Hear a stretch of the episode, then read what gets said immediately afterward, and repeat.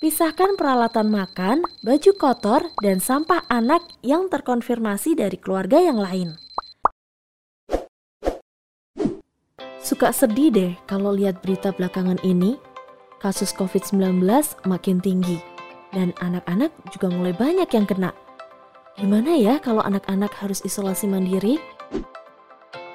Di masa pandemik gini, parents memang harus lebih memperhatikan kondisi kesehatan anak terutama jika anak telah kontak erat dengan pasien terkonfirmasi COVID-19 atau ada gejala COVID-19.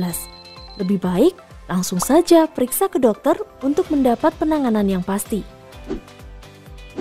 Apabila anak memang terkonfirmasi positif COVID-19, sebisa mungkin jangan panik. Biasanya, jika anak tidak memiliki komorbid atau penyakit penyerta, dokter akan menyarankan untuk isolasi mandiri di rumah sehingga parents tetap bisa mendampingi. Tapi, ada beberapa hal yang parents harus lakukan jika anak isolasi mandiri di rumah. Yang pertama, parents harus lapor ke puskesmas atau fasilitas kesehatan terdekat untuk dilakukan kontak tracing.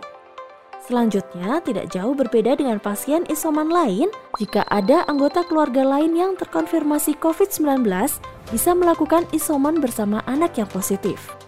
Namun, jika hanya anak yang terkonfirmasi, maka anak harus berada di kamar yang terpisah dari anggota keluarga yang lain dengan kondisi kamar, ventilasi, dan sirkulasi udara yang baik.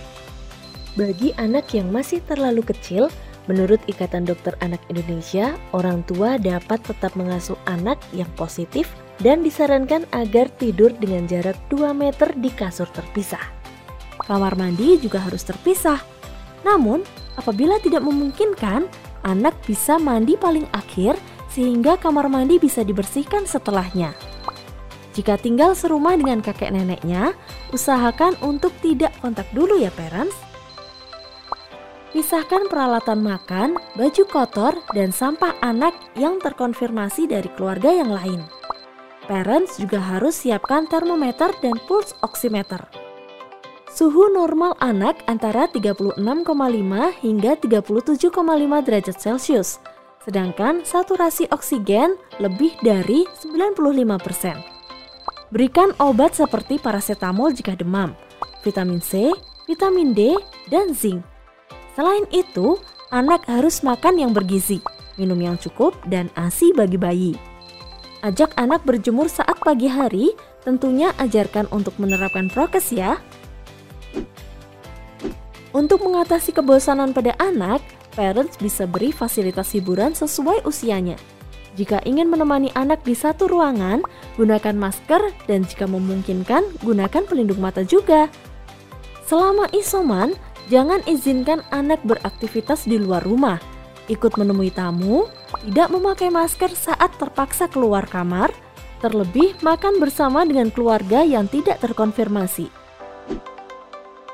Yang perlu diwaspadai saat anak isoman, anak mulai lemas atau lebih banyak tidur, napas cepat, ada cekung di dada atau hidung kembang kempis, saturasi oksigen kurang dari 95%, mata merah, ruam, leher bengkak, demam lebih dari tujuh hari, kejang, tidak bisa makan dan minum, mata cekung, buang air kecil kurang, dan terjadi penurunan kesadaran.